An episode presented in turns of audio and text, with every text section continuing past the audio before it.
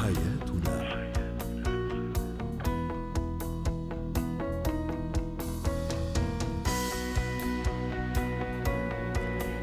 مستمعينا الكرام أهلا بكم معنا إلى برنامج حياتنا برنامجكم اليومي الذي يعنى بشؤون الأسرة وباقي الشؤون الحياتية الأخرى.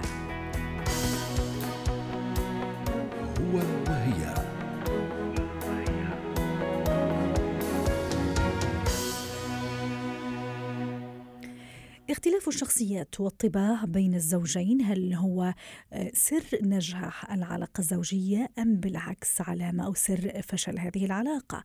للحديث عن هذا الموضوع تنضم إلينا عبر الهاتف من بيروت ميسون حمزة الاستشارية النفسية والأسرية. مساء الخير أستاذة ميسون. آه، عادة إذا إذا إذا أراد الشخص أن يرتبط عادة ما نسمع كلمة المفروض أنه يكون الشخص الذي ترتبط به يشبهك من خلال الطباع والشخصية. هل هذا صحيح؟ أم ليس بالضرورة؟ نعم آه، مرحبا بكم. أهلا بك. آه الأمر الأمر ليس صحيحا وليس خاطئا ولكن ذلك يتعلق ب آه، التكامل. يعني نحن لا نتكلم عن التشابه بين الشخصيات ولكن نتكلم عن التكامل بين الشخصيات في الطباع وفي الاهتمامات وفي الأذواق. في بعض الأحيان قد يكون الاختلاف نقمة. لأنه آه، وتحديدا إذا كان الاختلاف بالطباع يعني رجل هادئ جدا وامرأة عصبية جدا آه، امرأة هادئة جدا ورجل عصبي جدا. هنا نتكلم عن صعوبة الأمر. أما الاختلاف بالأذواق يمكن أن يحل بالحوار. يعني اختلاف بالشخصية اختلاف بالتعامل مع الناس ماذا أحب ماذا أكره. هذا أمر قادرين قادرون على التخطي ولكن الاختلاف بالطباع والإختلاف بكيفية الحكم على الأمور نعم. هذا إذا لم يحل يسبب مشاكل ولا يسبب تكامل جميل. وهذا موضوعنا اليوم ست ميسوني والاختلاف في الطباع فعلا. إذا أنا زي ما تفضلتي هادئة والزوج عصبي أو العكس صحيح. وخلص حنا بلشنا في الحياة أكيد ما رح ننهيها مشان هالموضوع. وإن كان مشكل كيف أجد صح. يعني مسار مشترك أو لغة مشتركة أو تكامل؟ زي ما تفضلتي في البداية مصطلح جميل جدا. كيف أكمل هذه شخصية الشريك؟ وهو أيضا نعم. حتى نكفي في الحياة أيضا. نعم هذا هذا الأمر يتعلق بمرحلة الخطبة يعني ما قبل الزواج التعارف ضرورة التعارف وأهمية التعارف بين الشريكين ما قبل في مرحلة ما قبل الزواج للتعرف على النظرة إلى الحياة وكيفية التعاطي مع الأمور والمشكلات نحن نعلم أنه آه، الأزواج يعني يعني يعلمون قبل الارتباط بأنه الحياة لن تكون خالية من المشاكل نعم. متى يبدأ الخلاف بين الشريكين؟ يبدأ الخلاف في مواجهة المشاكل وكيفية تخطي المشاكل يعني طالما هنالك هدوء وانسجام وغرام وحب وبداية تعارف لن تظهر تلك المشاكل وأيضا آه، الاختلاط بين الناس يستطيع أن يبين لنا تلك السمات. علينا أن نكون واعين ومنتبهين منذ البدء. لا يعني عدم غض النظر عن ماذا أريد وما لا أريد وماذا أتحمل وماذا لا أتحمل.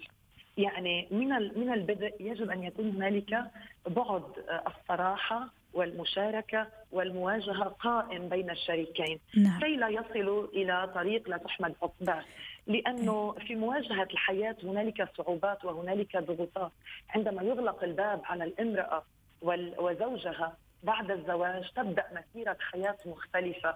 فيها الكثير من التحديات فيها الكثير من الضغوطات وفيها الكثير من التعرف على الآخر جميل. وعلى جوانب شخصية. مخفية. اولا نعم. أن أتكلم. يعني يجب على أحد الشريكين أن يقول هذا يزعجني. كيف يمكن؟ ولكن لا يجب أن يقول هذا يزعجني دون الإشارة إلى ما يزعجه ودون التخلي عن الهدوء. يعني إذا كان الرجل عصبي والمرأة قادرة على تحمل هذه العصبية ببساطة ورحابة صدر لا مشكلة. ولكن إذا كان عصبي لدرجة أنه يخرجها عن هدوئها هنا تبدأ المشكلة. يعني هنا يبدأ الإشكال في كيفية التعاطي والتحمل. طبعا العكس صحيح.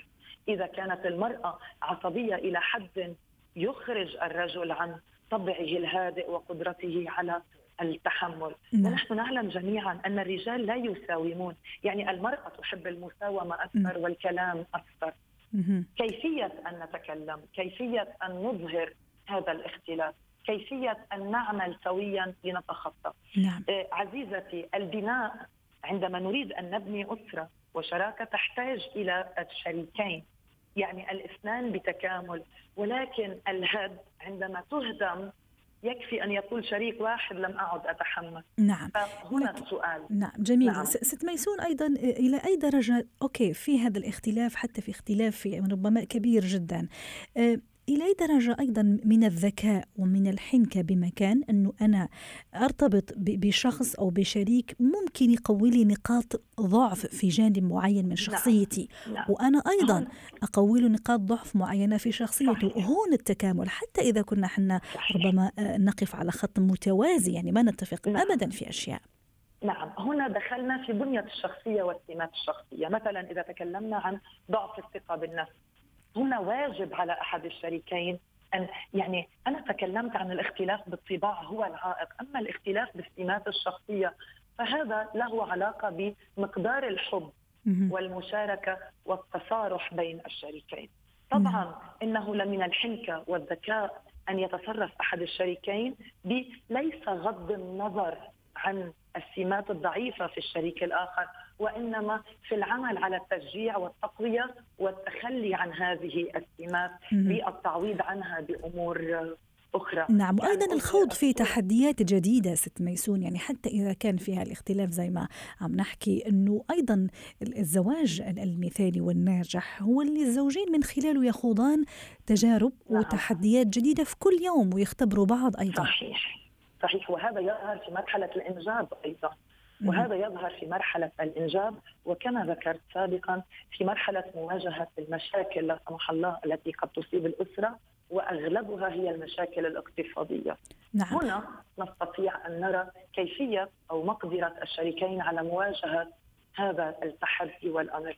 الأمر يحتاج إلى حوار، موت. إلى نقاش، م- إلى صبر، إلى هدوء وإلى رؤية حكيمة وليس هنالك من مانع من استشارة أولي الأمر الأهل الوالدين أو الذهاب إلى أخصائيين لتقريب وجهات النظر أحيانا بين الشريكين ولتصويب الأمور. وأيضا والسر الأساسي أيضا هو رغبة الطرفين أيضا أنه يستمروا ويكفوا مع بعض رغم كل الاختلافات اللي بينهم. شكرا لك أستاذة ميسون. حمزة الاستشارية النفسية والأسرية ضيفتنا من بيروت ويعطيك العافية. حياتنا.